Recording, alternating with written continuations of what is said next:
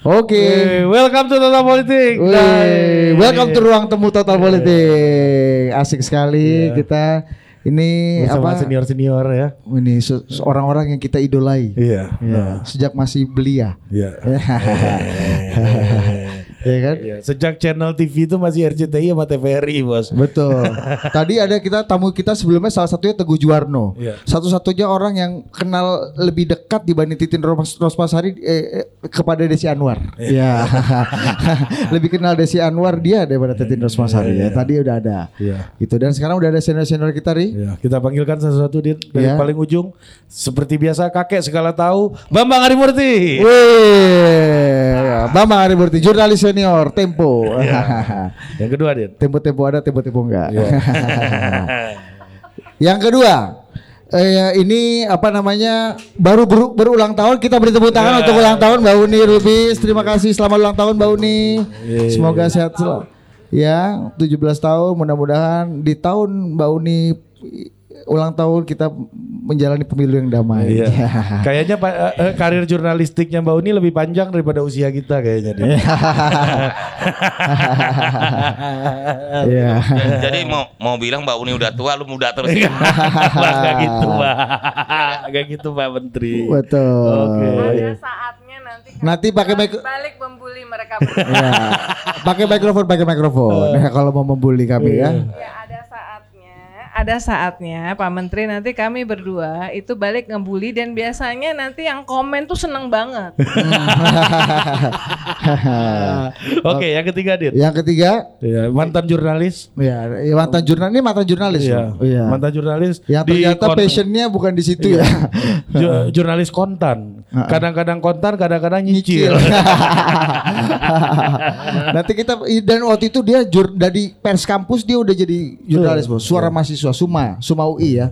Ketika Bu Mega eh, tengah menghadapi gejolak politik di eh, apa namanya Kongres eh, Sukolilo, Sukolilo, iya. beliau membuat baju. Apa tulisannya? Dia perempuan, dia bersama apa bang? Dia Gimana? tidak sendiri. Coba coba coba kasih dulu kasih. Dia tidak sendiri, dia bersama kami. Iya. Budi Aristiadi. Wih. Menkominfo Republik Menkominfo. Indonesia. Dan hari ini menjadi Menpan RB bos. Oh iya. lagi Menpan RB. Pinnya dua tuh. Biasa besok-besok pinnya bisa penuh tuh, Bos. Iya. Kalau jadi kayak Pak Luhut kan. Ya kalau udah cuti semua nih gini sampai bawah ya. Oh udah mutasi berapa dirjen di Menpan RB bang?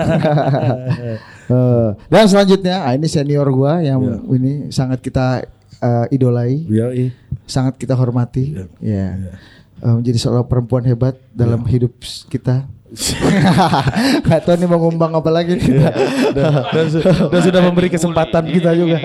Betul ya. Kalau tanpa beliau merestui dan beliau ini kalau beliau kesel aja hati kita jadi perih gitu. Ya. Kalau beliau udah datang ke sini artinya kita udah bisa bebas.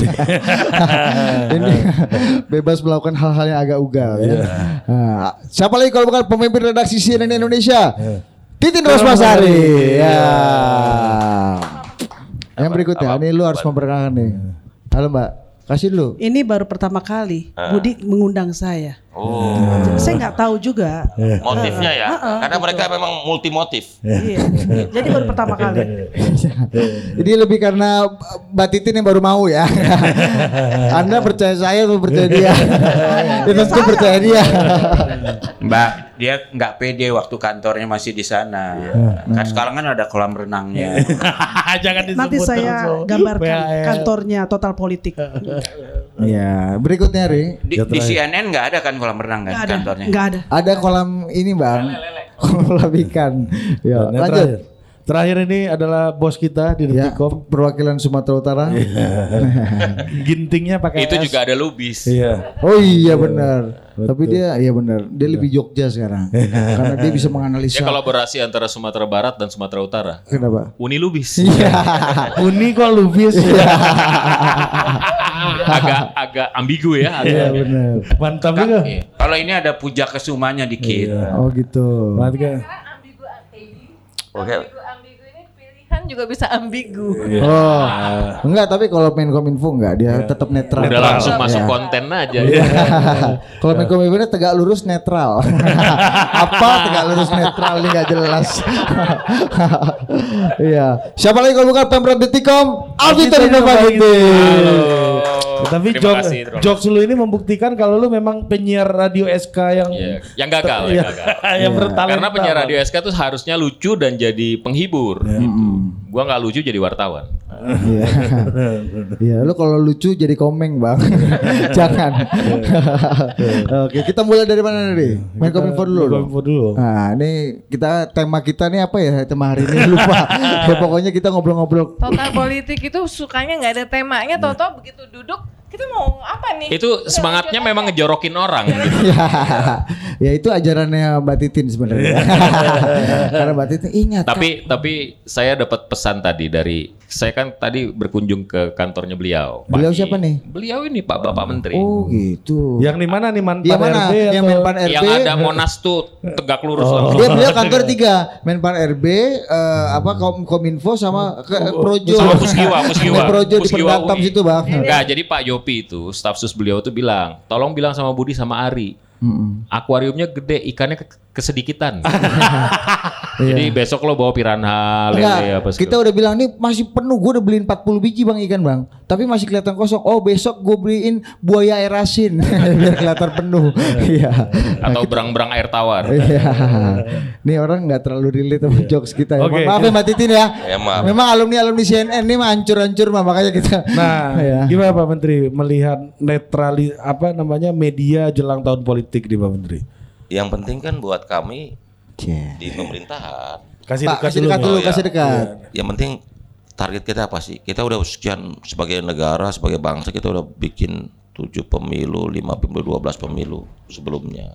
Mungkin udah dari tahun 55, eh, 71, 77, 82, 87, 92, 97, 99, 2004, 2009, 2014, 2019. Ini pemilu ke 13 sepanjang negara ini berdiri. Dan kita mengharapkan ya kita sebagai sebuah negara demokrasi yang tentu saja harus membuat pemilu ini berjalan dengan baik, nggak usah saling menuduh. Karena kan semua udah mengawasi. Gitu loh. Media terbuka mengawasi. Jangan apa belum apa-apa udah nuduh-nuduh curang. Gitu loh. Ini curang, ini mau curang. Gimana mau curang? Iya kan? Orang semuanya mengawasi loh. Gitu. Makanya saya sepakat dengan apa yang dikatakan Pak Presiden Joko Widodo. Pokoknya kalau menang jangan jumawa, kalau kalah jangan murka. Gitu. Nah kita nikmati proses demokrasi ini karena demokrasi ini kan mengamini perbedaan pendapat, tapi juga membiarkan masyarakat menggunakan hak pilihnya secara baik, secara bijaksana. Jadi Pak Presiden selalu menyampaikan bahwa pemilu ini adalah bagaimana membuat eh, kualitas demokrasi ini eh, meningkat, gitu loh. Nah, kalau du- dulu kan dua kali pemilu kita punya problem yang agak laten nih. Mm-mm. Namanya politik identitas. Mm-mm. Itu kan agak mengerikan kalau bicara luka itu luka bacoknya susah sembuh. Mm-mm. Nah, kita nih alhamdulillahnya kayaknya isu identitas atau politik identitasnya kali ini udah nggak ada nih. Nah, buat Pak Menteri sendiri problematika yang paling prinsipil di tengah menjelang pemilu 2024 ini dari segi ruang publik nih gimana? Ya memang data kami di Kementerian Kominfo hoax 2019 itu banyak sekali. Sekarang masih udah menjelang dua bulan setengah tiga bulan ini eh, jumlahnya masih relatif eh, normal karena baru 96 hoax panjang satu bulan. Yang itu udah kita klarifikasi. Baru 29, Bang. 96, Oh, 96. 96 hoax. Dua tahun lagi reformasi ya, Bang ya. Ya, makanya kita mengharapkan juga kan kita juga terus menghimbau bahwa jangan ada hoax, fitnah, ujaran kebencian, sama satu lagi apa nih? Jangan merendahkan martabat orang lain. Gitu loh. Supaya demokrasi kita meningkat. Nih contohnya yang terakhir nih martabat ini apa nih bang? Apa? Kan martabat nih subjektif banget. Ya subjektif merendahkan martabat orang ngeledekin apa apa nggak usah disebut lah kalian jangan mancing-mancing lah kalian kan moderator. Enggak, supaya jelas, Bang. Karena Maksudnya yang Ini mancing, Enggak, tukang mancing. Maksudnya yang disampaikan oleh FX Rudy yang ya ngomongin enggak mak- itu. maksud saya pokoknya janganlah merendahkan martabat orang lain. Gitu loh. Karena itu concern kita bersama. Kita Indonesia demokrasi kita berkualitas mending adu program aja adu ide aja. Biar le- masyarakat mendapat alternatif pilihan tuh lebih sehat gitu oh ini yang kita pilih karena mampu mendeliver sesuatu untuk kemajuan kita gitu loh Jangan jangan janji surga juga, jangan eh, nebar janji yang nggak susah direalisasi gitu Iya. loh. Seperti itu.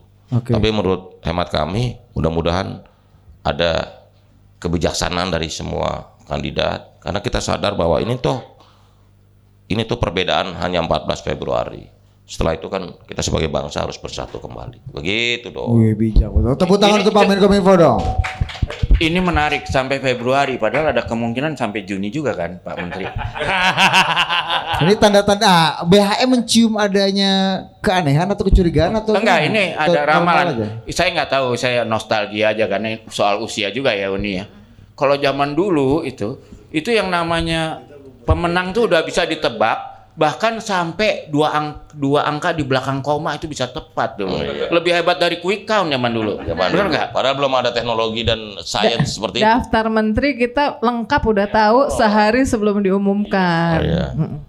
Eh, gini, Ah, ini apa juga ada ilmu yang sama gitu bahwa Februari selesai gitu loh maksud saya, Pak ya Menteri. kita kan mengharapkan aspirasi yang enggak aspirasi yang berkembang kan 14 Februari kan gini apa pemilihan suara. Kalau putaran kedua 26 Juni. Nah, aspirasi yang berkembang udahlah satu apa one round aja lah. Aspirasi siapa itu? Banyak. Oh, misalnya? pengusaha juga begitu, kita juga begitu. Kita saya juga pikir udah satu ronde aja lah. Tiga-tiganya juga ngomong satu putaran. Ya semua juga teriak satu putaran. Oh, Eh, ada yang enggak, ada juga yang enggak, ada yang enggak ada. Yang itu yang jual-jual buat apa? Poster-poster Poster, bagaimana pengennya. berdoanya tiap hari, Pak. termasuk termasuk kita nih industri dialektika ini kan. Ya, industri dialektika politik Oh itu. gitu. Sama survei bukan ya. bukan bukan industri dialektika, Eh, industri instabilitas. Karena semakin instabil, semakin dinamis atau lebih sopan lagi IDS, industri dinamika dan instabilitas. Nah, jadi kalau semakin dinamis, semakin instabil, Ya. maka total politik semakin eksis. Nah, Nyedot semakin kencang bang. Bo- boleh beda pendapat nggak Pak Menteri? Boleh boleh boleh. Boleh Langsung Pak Menteri. Hantam langsung bang. Kalau Pak. Menteri, kalau dua dua round, yang tadinya bermusuhan gabung. Karena pengen menang di ronde kedua, kan tambah damai malahan. Begini loh, kalau soal satu ronde, dua ronde udah itu haknya rakyat. Terserah rakyat di 14 Februari 2024. Eh, Tapi kok feeling saya, penciuman saya rakyat mau satu ronde. Ah. Seka- Mantap. sekarang kita tahu kenapa beliau jadi menteri tiga ini ya dengan tiga markas ya. Tiga markas. Satu di Kominfo, satu di PAN, Pan RB, satu lagi Projo. Nah, di Perdatam. Nah. paham kita sekarang. Iya, kita mau ke Mbak Titin dulu Mbak Titin. Gi- Gimana Mbak? Kita melihat ini eh, pro- kembali ke oktav rendah dulu lah. Ini udah Pak, Pak Menteri langsung menaikkan kita ke 14.000 ribu kaki nih Mbak. Padahal kita maunya pelan-pelan. Nah, Mbak Iya. Titin gimana perspektifnya Mbak? Eh, kalau saya ini ngomongnya langsung soal satu putaran, dua putaran atau tentang apa nih? Nah, ini, ini iya. ngomongnya Suka-suka mana-mana Mbak Titin nih, lah. suka-suka. Mana Iya. berani kita ngatur Mbak Titin kan? sebagai tamu pendatang baru kasih nggak lihat dulu aturan mainnya gitu.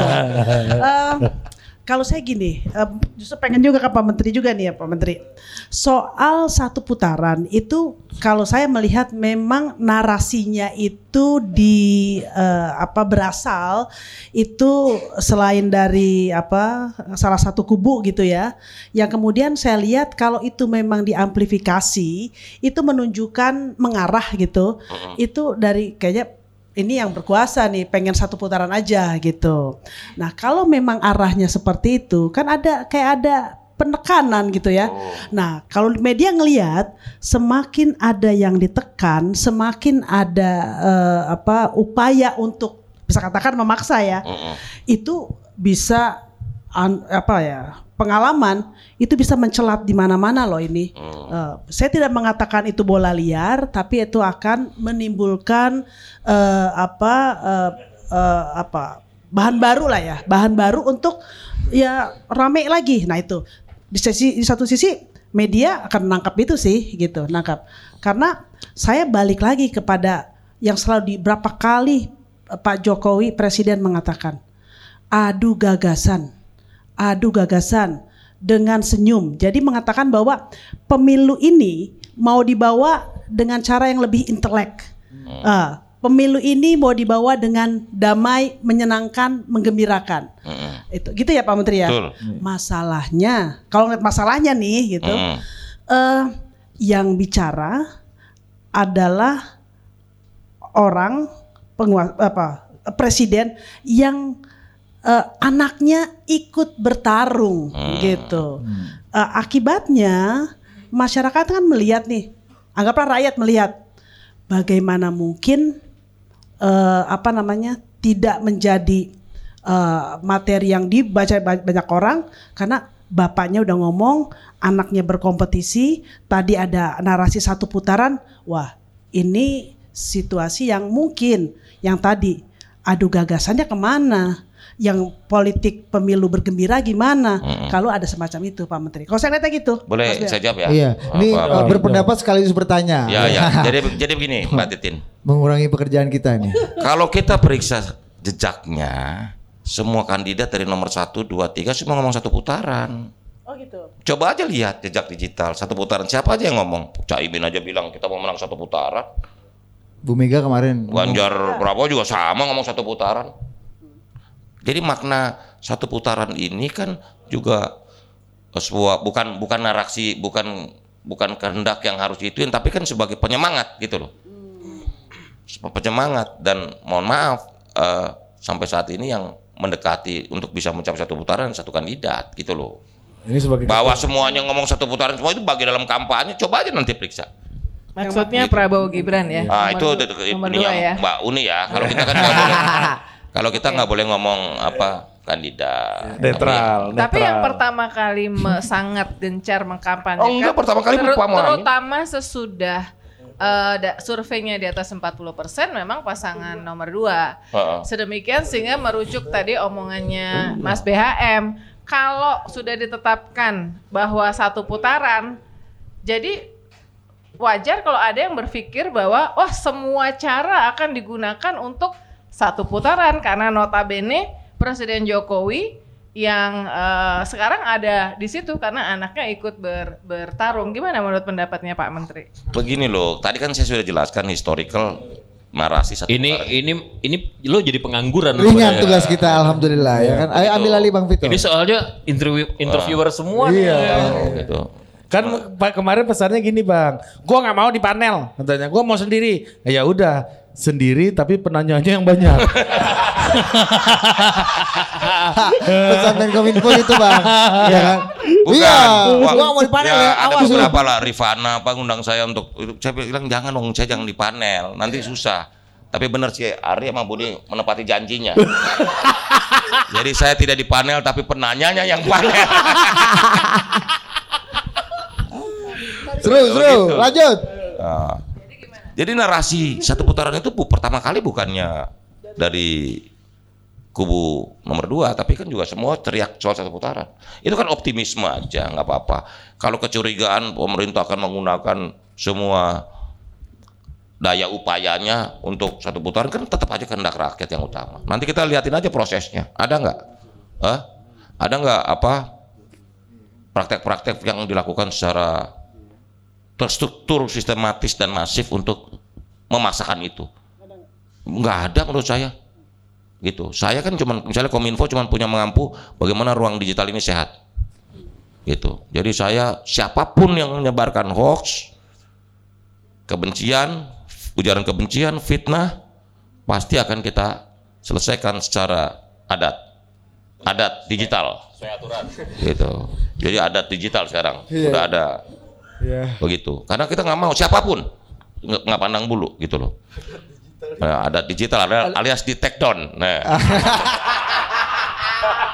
Ya.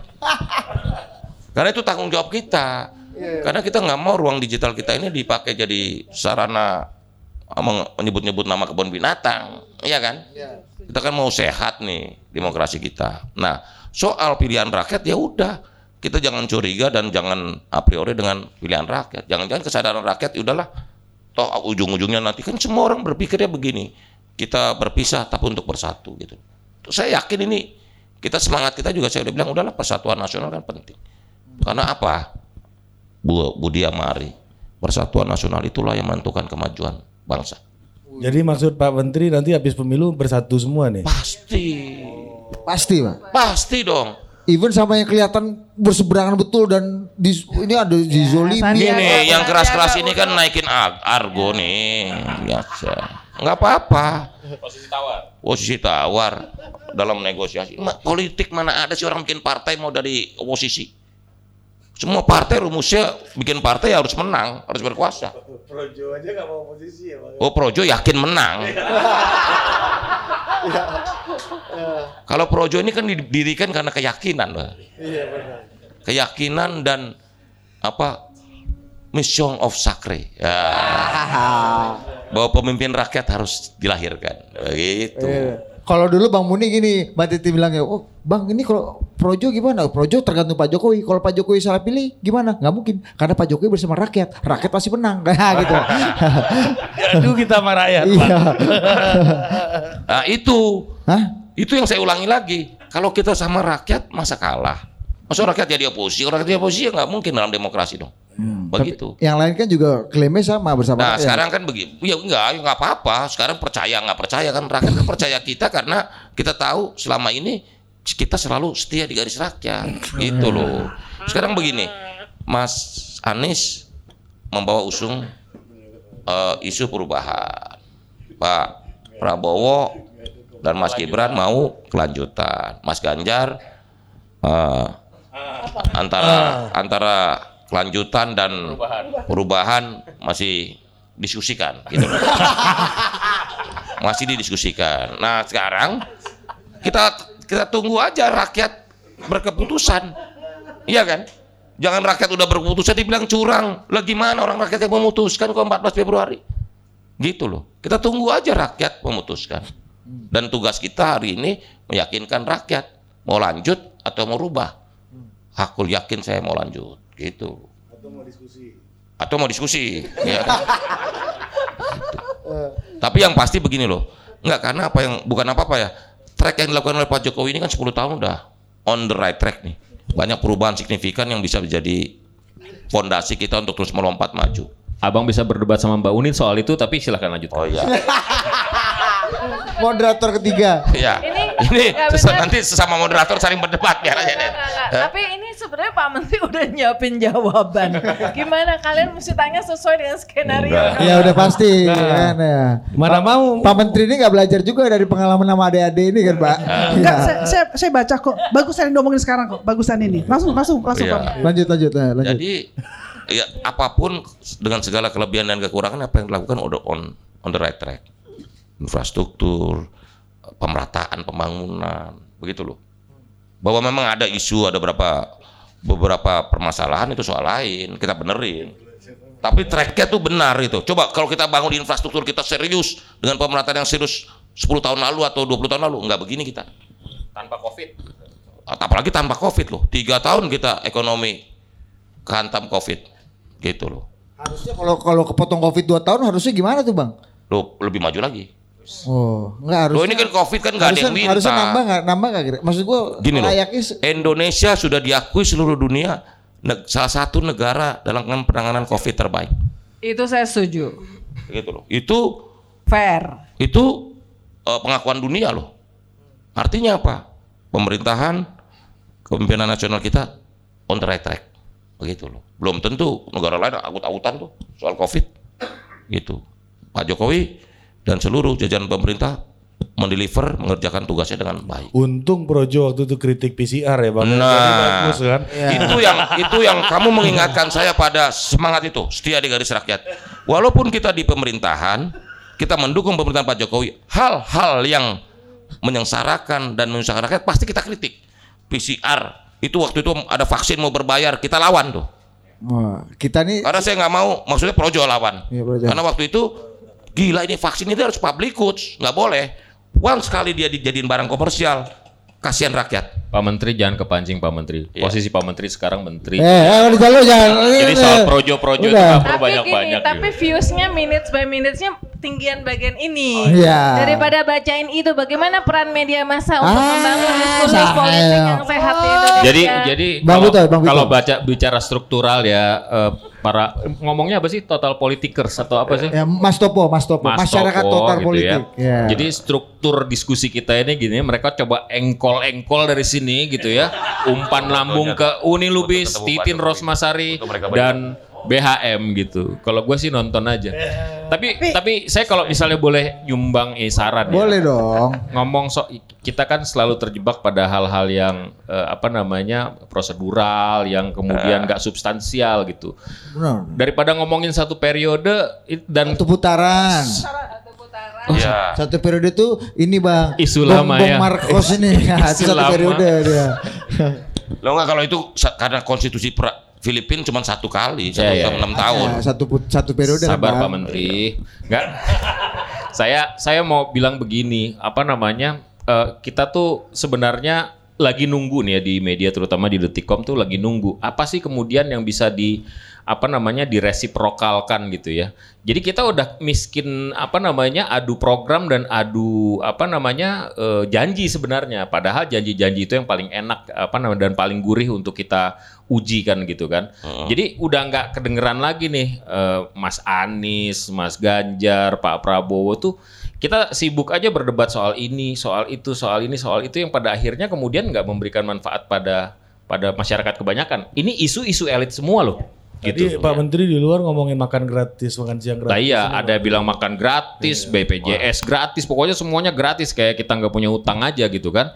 Ya, ya itu itu yang harus disadari oleh eh, pemilih sebenarnya. Udahlah, stop lah kalian udah keluarkan program-program kalian tuh seperti apa, jangan kemudian membuat kita ribet masalah-masalah yang tidak substansial gitu ya. Terus juga ngebahas soal hoax misalnya. Kalau menurut saya sih hoax berkurang sekarang karena kesadaran ya self censorship, self apa namanya eh, assessment terhadap informasi itu menjadi semakin makin pinter lah, terutama eh, mereka-mereka yang ada di kelas menengah eh, bahkan sampai ke level-level yang eh, bawah gitu. Karena kita udah melewati dua periode yang brutal 2014 dan 2019. Yang ada sekarang adalah rekam jejak. Nah makanya dalam pemilu ini bingung nih. Karena si ini dulu berkelindan dengan ini, kawan baik, kemudian menyeberang ke sana, ini begitu. Jadi bongkar-bongkaran aib nih sekarang gitu loh. Ah, itu juga apa namanya? Itu juga hal yang menarik dan gurih yang apa namanya yang bisa dioleh oleh media baik eh, mainstream maupun eh, seperti total politik Homeless, yang homeless, homeless. iya. Our, Gelan- gelandangan. kalau total politik itu kan total politik our brand is crisis kan gitu gitu. kalau ada krisis hiduplah dia kira-kira gitu kan. Nah itu itu ya tapi pada pada akhirnya kita nggak pada akhirnya kita ya masuk ke hal-hal yang non substansial pada akhirnya ya barangkali begitulah nasib politik Indonesia gitu. Kalau kayak- sebentar, saya mau nanya ini. Eh, tadi apa panggilan buat audiensnya? Mas Topo, Mas Topo. Mas Topo. Ini agak sangat maskulin. Ini seksis loh. Eh, Yang Ini, perempuan nggak Mbak ada. Uni biasanya Salah. akan protes nih, gitu. Ma- Mas Topo kan karena masyarakat, masyarakat karena total politik. masyarakat total Kalau politik. jadi Mbak Topo jadinya masyarakat. Oke. Nah, Iya. tadi saya setuju dengan yang Mas Vito. Kalau hoax itu udah mulai pasti akan berkurang ya, karena literasi dan sebagainya orang makin makin ngerti Oke. juga kok gitu ya. Ditambah ITE itu kan membuat orang takut juga kan Takut ITE ITE. ya. Nah, tapi yang juga menjadi tadi saya baik lagi soal ber- berapa kali presiden mengatakan soal udah adu gagasan, senyum segala macam. Tapi pada kenyataan tadi itu ya, yang yang yang patut harus diingatkan adalah entah partainya, entah siapa, itu buzzer-buzzernya itu masih berkeliaran terus loh. Ya. Dan eh, apa lihat apa yang disampaikan. Eh, ada beberapa yang dulunya satu tim, satu kubu sekarang pecah. Dan di antara itu aja kan kalau saya sih eh, terus terang di media saya saya nggak ambil itu, nggak peduli. Tapi masalahnya yaitu rame agak apa ya noise eh, eh, gitulah nyebelin gitu. Dan ada omongan juga Mbak, Apa ba- tuh? buzzer kominfo ini juga ada yang bilang di medsos katanya. Apa? Emang Buzzer- ada? yang ada? ada, yang Emang bahas juga. Enggak, enggak ada anggarannya untuk buzzer. Iya. Ngapain kita pakai buzzer? Kita bisa take down kok. Iya. Oke. Udah kayak Jadi- Orba ini ya. Ja- jadi saya Nah, nanti abis ini kita topik Orba. Ah, jelas, Nah, di luar buzzer tadi, eh, selain tadi eh, tadi Presiden mengatakan itu, apakah ini juga dijadikan perhatian oleh para capres cawapres dengan timnya? Gimana memulai adu gagasannya gitu? Katanya kalau ada yang bilang kalau ngomong terlalu tinggi nanti pem- pembaca eh, pemilih kita nggak nggak masuk ke situ, nggak makan karena terlalu elitis gitu. Terus berarti nggak ngikutin presiden dong semuanya nih. Iya. Mungkin eh, Soal- Mbak Uni mau nambahin dulu Mbak Uni. eh, nambah ya satu ya eh, dua atau tiga minggu yang lalu tanggal 7 November kan eh, pengurus PWI ketemu dengan Presiden Jokowi ya Eh, di situ Presiden Jokowi pas lagi lucu-lucunya situasi kita kan tanggal 7 November itu lalu kami tanya dan Pak Jokowi me- mengatakan itu kan yang ramai cuma di media media sosial. Saya ke daerah-daerah tuh nggak ada tuh tenang-tenang aja. Seperti itu ya itu satu hal. Terus kemudian yang kedua Memang eh, belakangan ini kalau di total politik kita terbiasa blunt ya, disebut aja gitu ya. Eh, apa se- sebenarnya dari awal tuh Total media, politik ini jadi rumah kedua Uni Lubis ngeri kali. Ya. Jadi kami memanfaatkan bagaimana sumur-sumur minyak ini bang yang nggak dimanfaatkan. Sejak di- acara- media itu media Iya. sejak awal kalau udah pemilu saya yakin di semua newsroom kita langsung ngeluarin SOP ya kan lima tahunan ini ya SOP politik pemilu itu apa kita melakukan quick workshop ya untuk friendly reminder seperti ini harus lihat gagasan lihat personal approach Kemudian lihat rekam jejak karena meliput pemilu itu pada dasarnya meliput eh, rekam jejak. Jangan lupakan kelompok-kelompok yang terdiskriminasi. Semua itu udah ideal banget itu ya. SOP udah diingetin ya. Dan sebenarnya di awal-awal, apalagi ketika eh, paslon-paslon mengeluarkan visi misi, ada yang sekian ratus, ada segini, kita tuh media tuh langsung langsung ini langsung julid, eh, ngeliatin ya, Ya, ngeliatin oh, no, apa terus dibikin grafis apa segala macam ya. Tapi tiba-tiba ada yang susah banget diundang, ya. Eh di di mana-mana Nama, ya. nama, nama. Eh, susah banget diundang. Nanti, nanti, Nama, nama. To the point sampai kemarin ini saya ngomong fakta ya. Name, name, name. Eh, Aku ikut bantuin loh, Ganjar, Mbak. Ganjar Pranowo ketika diundang di dialog capres PWI mengatakan dan kemarin eh, beritanya keluar ya. Oh, ketika eh, ditanya eh, silakan sampaikan visi misi berkaitan dengan pers. Ya ngapain juga visi misi karena ternyata rakyat kita sukanya sama gimmick gitu ya. Yang gimmick-gimmick bukan lagi visi misi karena belakangan itu misalnya kubunya Pak Prabowo Subianto dan eh, Gibran selain paling sering untuk menolak undangan untuk diajak ditanya adu gagasan itu yang sebenarnya diharapkan oleh Presiden Jokowi.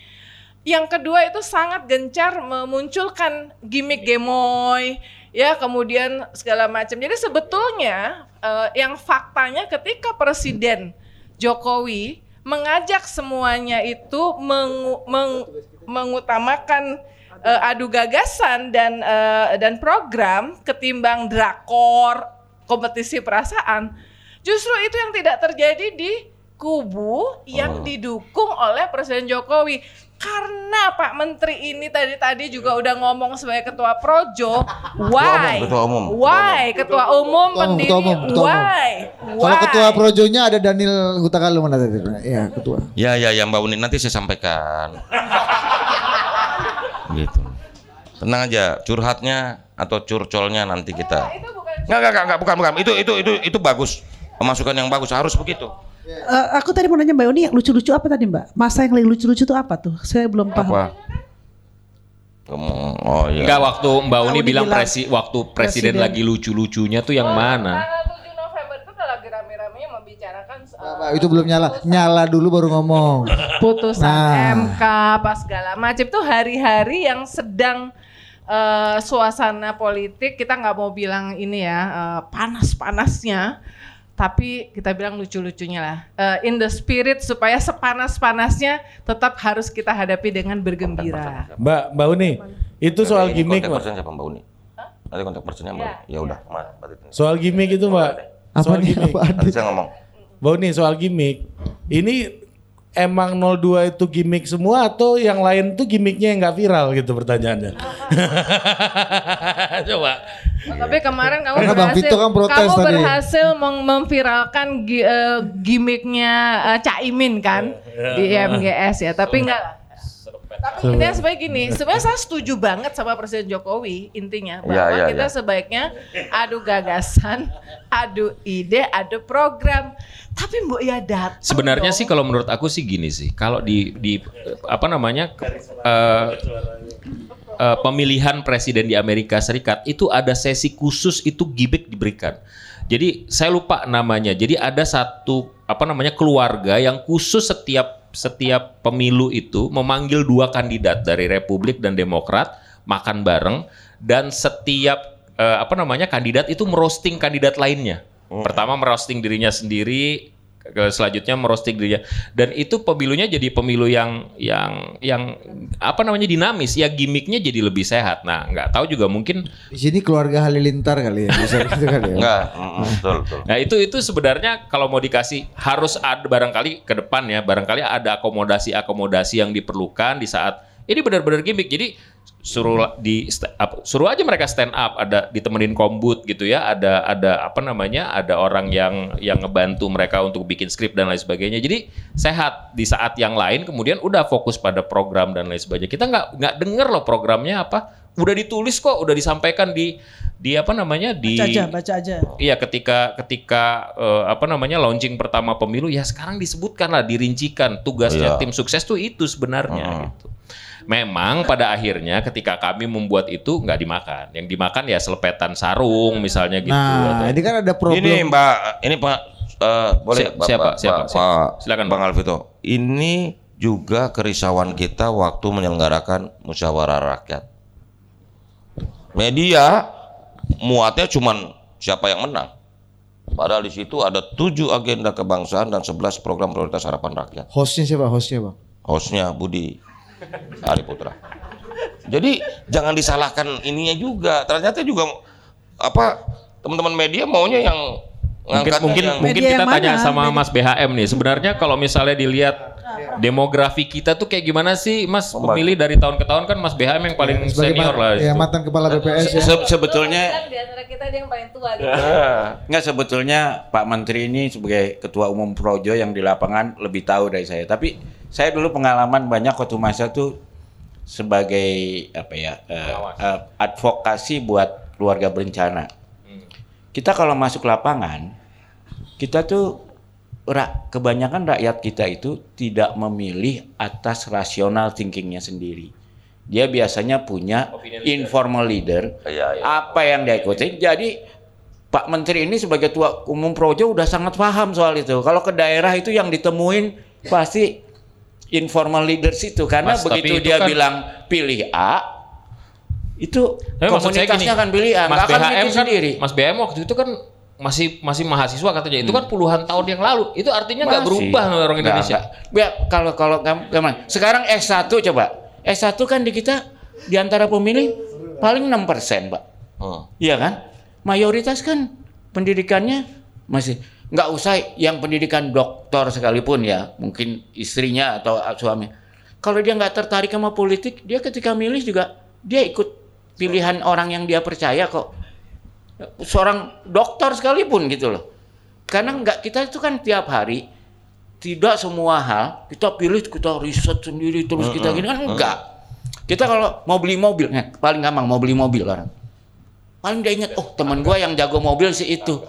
Telepon eh mobil. Kan karena orang itu dia percaya. Jadi saya tahu lah Pak, Pak Menteri ini ketika di lapangan dulu juga yang pertama dipetakan orang-orang ini yang punya komunitas besar itu yang dapat nah persoalannya sekarang orang-orang informal leader itu apakah mereka menentukan pilihannya karena takut karena dapat imbalan atau benar-benar karena hasil pemikirannya sendiri. Sekarang kan gosip yang beredar, kita ngomong deh nama karena kan di telepon kita Kita nggak politik kita Nah, kita?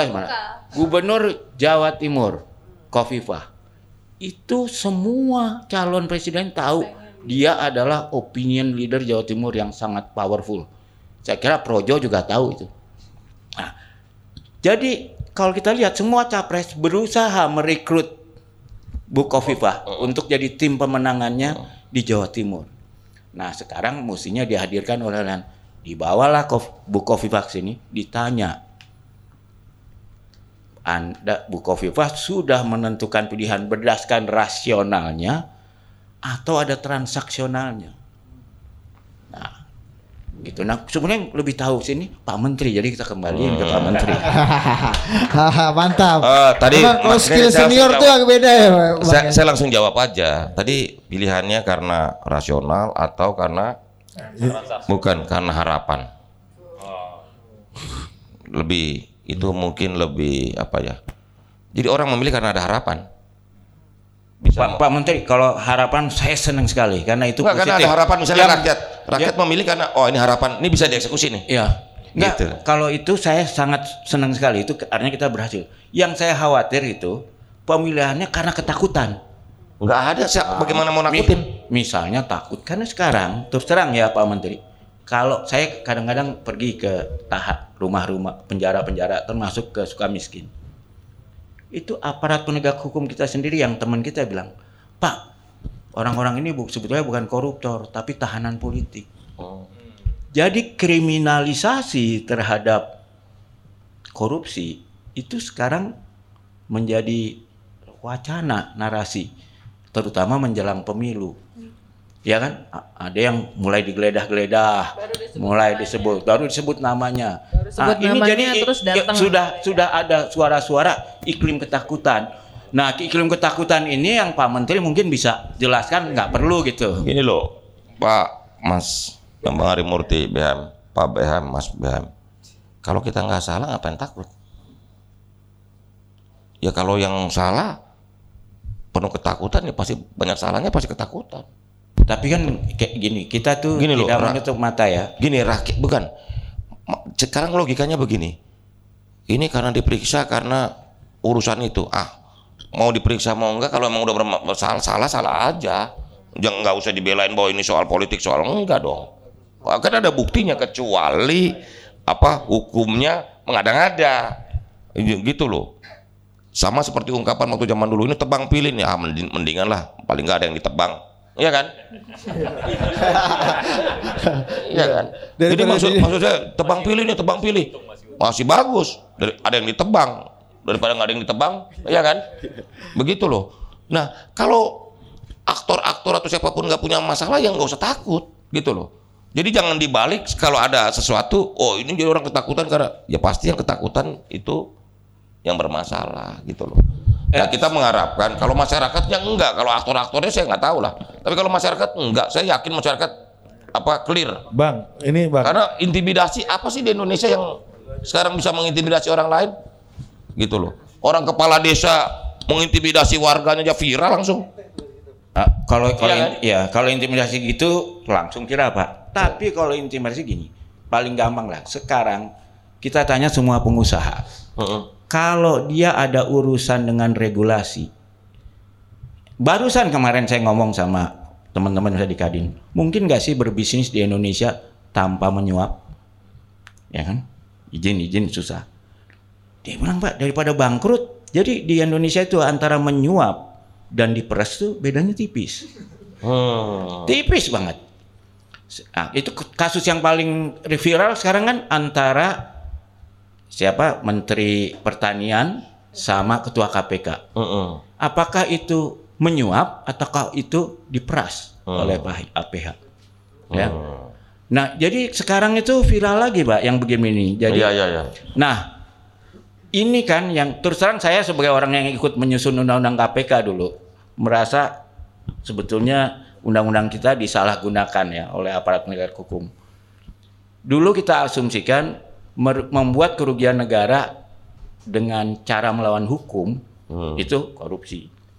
Tapi sekarang oleh APH yang dianggap melawan hukum itu adalah ya udah salah admin, salah itu sesuatu yang semua orang bisa kena kalau menjabat, Hmm. kalau dicari-cari ya.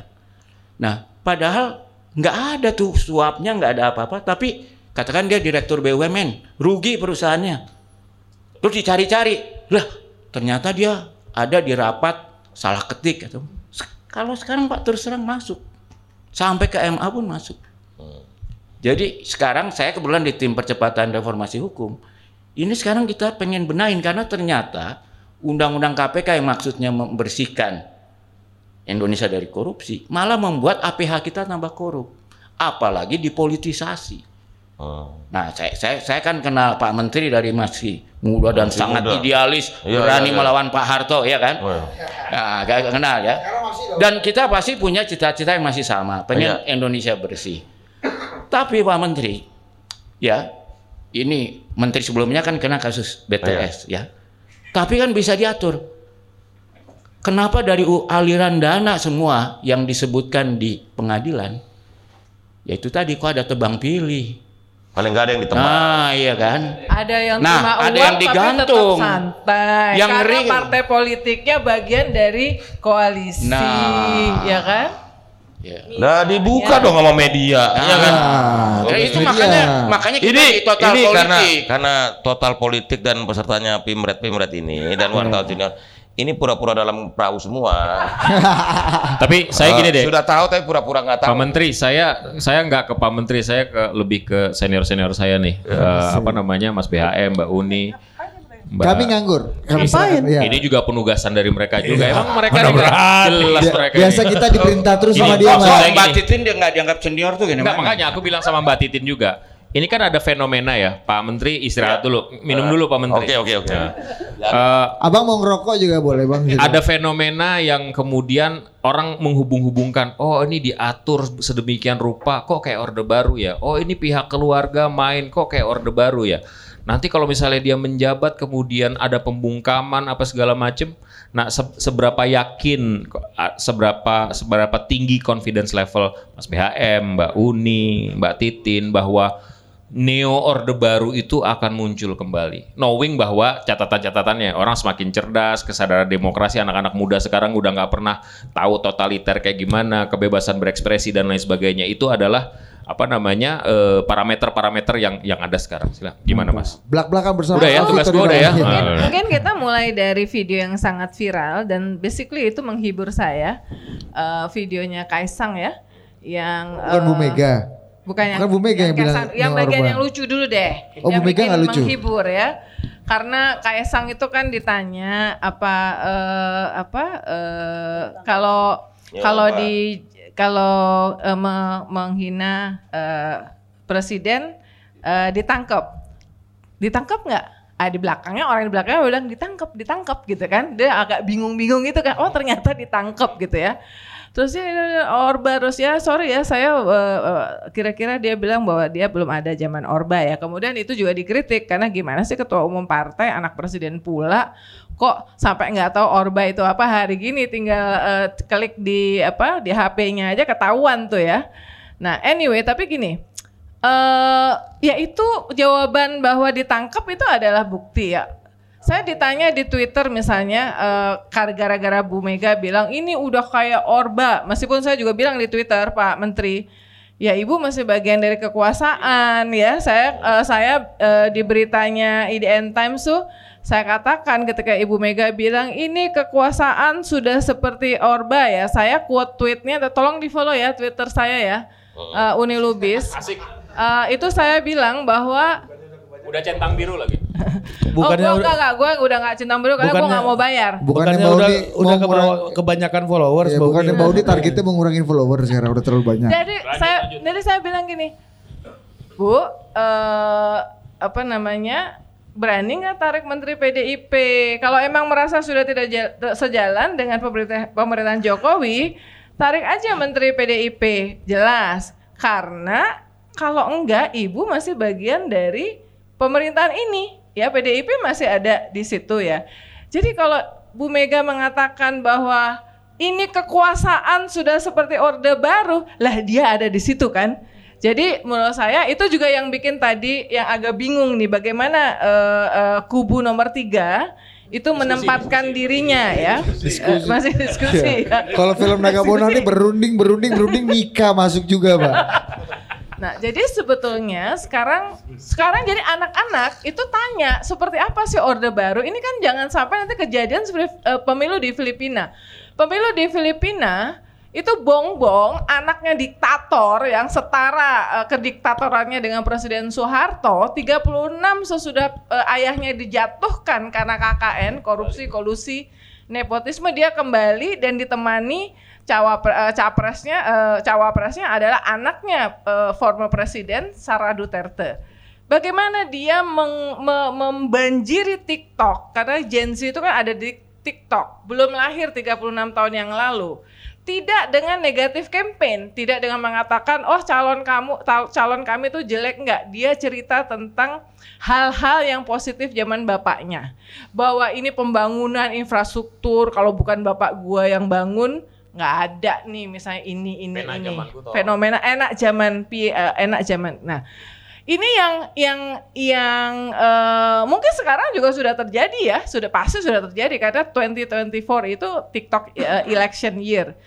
Nah, jadi eh, Vito kalau dibandingkan apakah sekarang itu Orba fair enough untuk mengatakan bahwa ada hal-hal yang mungkin lightly eh, oh Ari juga nanya kan Orba oh angka pertumbuhan ekonomi eh, tinggi eh, menteri-menterinya Suh- eh, Soeharto eh, bagus ya zaman itu emang lu percaya sama angka pertumbuhan ekonomi zaman itu semuanya kan tidak ada Percaya lu. koreksi Ya, sekarang pun misalnya. juga nggak percaya kita juga Nah, kan kalau jadi- kayak gitu logikanya Nah, jadi sebetulnya ada ada mirip-miripnya, ada mirip-miripnya. Hanya sekarang ada media masih partial Indonesian media itu partial, partially independent menurut eh, menurut eh, reporter eh, Sans Frontier ya. Apa tuh coba apa dikasih Jadi jelas dulu. independen tapi masih di- eh, tidak sepenuhnya independen. Partially ini nih dua-duanya mantan Dewan Pers ya.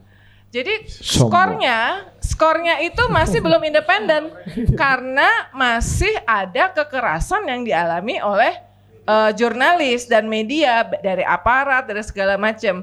Tapi masih ada tulisan independennya. Dibandingkan dengan zaman Soeharto, coba udah sebut zaman Soeharto aja, yang sama sekali nggak independen. Level mayor panggih udah bisa nelpon-nelpon pengpret ya. Waktu itu ya namanya mayor panggih ya. Kalau sekarang kita sama jenderal aja melawan kan. Zaman itu semua media diatur sama namanya mayor panggih ya. Nah, jadi bagian itunya oke. Kemudian pembunuhan, pembunuhan Petrus ya. Tentu eh, ini generasi bareng ya, udah tahu lah pembunuh. Dulu tuh ada pembunuhan-pembunuhan yang nggak pernah ada. Belum lahir ya. kita, belum lahir. Belum lahir Petrus ya, eh, pembunuhan 185. misterius ya, misterius. Jadi belum. sekarang misalnya apakah ada ya? Jadi eh, relatively ya. Ket- eh, tapi ada ada kasus kilometer 50 yang juga eh, yang diprotes sebagai hal yang misteri juga sampai sekarang ya. Nah kalau itu kita udah lahir Mbak. Ah ya. Eh, lalu Prabowo yang di yang yang disebut terlibat dengan eh, penculikan di era itu dia sudah mendapatkan hukumannya ya. Dia konsisten dia jalani hukumannya kemudian mencoba untuk jadi dan isunya selalu muncul. Jadi apakah sekarang itu masih ada orba secara oh sekarang gini tekanan sensor ya sensor terhadap media itu nggak harus dibredel guys. Ah, bisa pakai tekanan jangan masang iklan di media itu. Itu juga bredel karena hidup media loh kan kalau kan kalau misalnya di pemilu itu media itu memilih posisi yang salah dan yang salah itu kalah iklannya langsung habis Vito tentu ketawa Tapi ngikik-ngikik ya Kominfo ini wajahnya humanis banget kan? Iya, dia mau dia memberi memberdayakan makanya, banyak. makanya lebih bagus Total media- politik media iklan, itu- hidup aja nih baru. Ah, media itu harusnya objektif independen ya jangan berpihak kepada satu pasangan nanti kalah tuh buat TV, Ah, ya, buat TV kalah, yang ya. berpihak, buat media yang berpihak. Bagus Mbak Kalau Uni kalau mengingatkan. saya gini Mbak Uni ya, terlepas dari pertanyaan Mas Vito soal Orba dan sebagainya. Eh, media itu kan sebenarnya memiliki kebijakan dan sistem yang mengetahui bahwa itu apa pun yang muncul dari apa eh, da- apalagi dalam situasi politik seperti ini ya mau pemilu itu semuanya apakah disebut gimmick apakah itu disebut bagian taktik atau strategi kita tahu bahwa masing-masing punya kepentingan dari isu yang disampaikan. Marah-marahnya Ibu Mega misalnya. Terus tadi eh, apa gemoy gitu. Terus eh, nggak bayata gitu kan siapa? Eh, Nggak bayata. nggak bayata gitu kan. Itu satu dari mungkin jutaan cara mereka yang mungkin dengan cara yang ya seperti itu. Ada yang marah, ada yang mengungkap soal orba sebagainya. Pertanyaannya adalah apakah media hanya mengutip terus kemudian mengikuti riding the wa- wave ya, ikutin aja alurnya dia. Apakah media punya agenda sendiri yang sudah tahu arahnya ke mana? Saya nggak, saya nggak khawatir bahwa media mainstream, terutama tempat saya, saya Indonesia itu sangat sangat alert bahwa kita berada di sisi mana pun, kalau kita terlalu masuk ke dalam situ, kita kita tahu kita digunakan. Itu yang itu pertama. Independensi kita, objektivitas kita itu di atas segalanya yang mengatakan bahwa eh kalau dia ngomong begini, pihak ini ngomong ini, ingat siapa yang dapat untung. Ketika misalnya anggaplah sekarang nomor dua dan nomor tiga banyak ber, berapa eh, ribut apa saling saling sengkarut saling apa eh, adu adu saling serang gitu ya Tarung jarak dekat lah. itu siapa yang nanti akan apa eh, dapat benefitnya? Apakah nomor dua, apa nomor tiga, atau mungkin malah satu? Kan kita lihat itu kehati-hatian kita itu kita kita pertajam di meeting-meeting editorial kita pagi sore kita meeting gitu. Mbak, sorry saya potong mbak. A- a- anak buahnya kerja banget mbak. Oke. itu itu ja- jadi gitu ya. Jadi isu orba itu itu kita yakini bagian dari cara narasi dari masing-masing itu. Tapi kita mau masuk nggak ke situ? Saya malah khawatir balik lagi gitu. Alih-alih kita mau pemilu yang demokratis, pemilu yang menggunakan intelektual gitu, yang mengajak be- be- berolah, beradu gagasan, itu sulit dilakukan. Pertama, yang di, ada yang masih cari strategi, ada yang ngomongnya juga mungkin tidak jauh dari substansi misalnya ngomong visi misi mungkin ya oke lah ada yang kita rasanya cukup menjawab gitu. Tapi tim di bawahnya, elemen-elemen di bawahnya nggak mencerminkan itu. Dan saya paling khawatir, Mas BHM, Pak Menteri, Mbak Uni, Mas Vito, saya agak khawatir satu sekarang ini. Kita media ini ketika mencari narasumber, mencari prominent people yang netral, yang independen, yang objektif, susahnya minta ampun. Bener, makin susah, susah. banget. Polsternya udah berpihak. Posternya berpihak, dibayar pula pengamat. Padahal kita memerlukan Mas Ari, Mas Budi, kita siap. memerlukan orang-orang yang kita tahu intelektualnya bagus, kuat, ngomongnya juga baik gitu. Karena ada yang pintar tapi jadi sombong, ngomongnya dungu-dunguin orang misalnya ya, gitu. Misalnya gitu ya.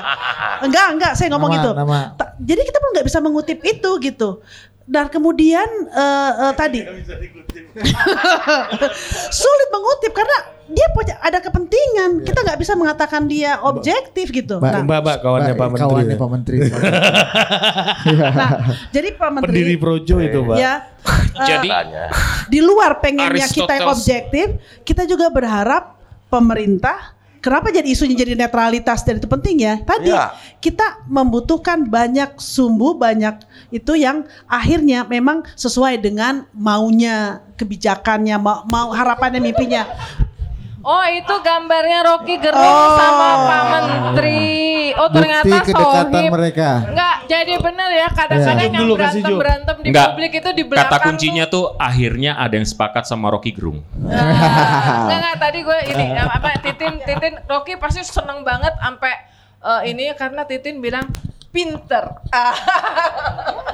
Oke, gitu. Tapi kita kayak gitu lagi. Jadi Sampai lupa tuh Lupa gimana. ngomong. Pokoknya saat ini selain eh, memang benar-benar pemilu eh, mau diarahkan dengan mau dibawa dengan cara yang tadi gagasan, intelektual, bergembira, itu sayangnya dan harusnya bisa di bisa dibantu dengan ekosistem semua ya, gitu ya. Ada pe- ada pemerintah, ada peserta, ada kontestan, ada timnya dan ada pihak-pihak yang memang selalu eh, eh, apa selalu apa ya eh, menjadi apa watchdog.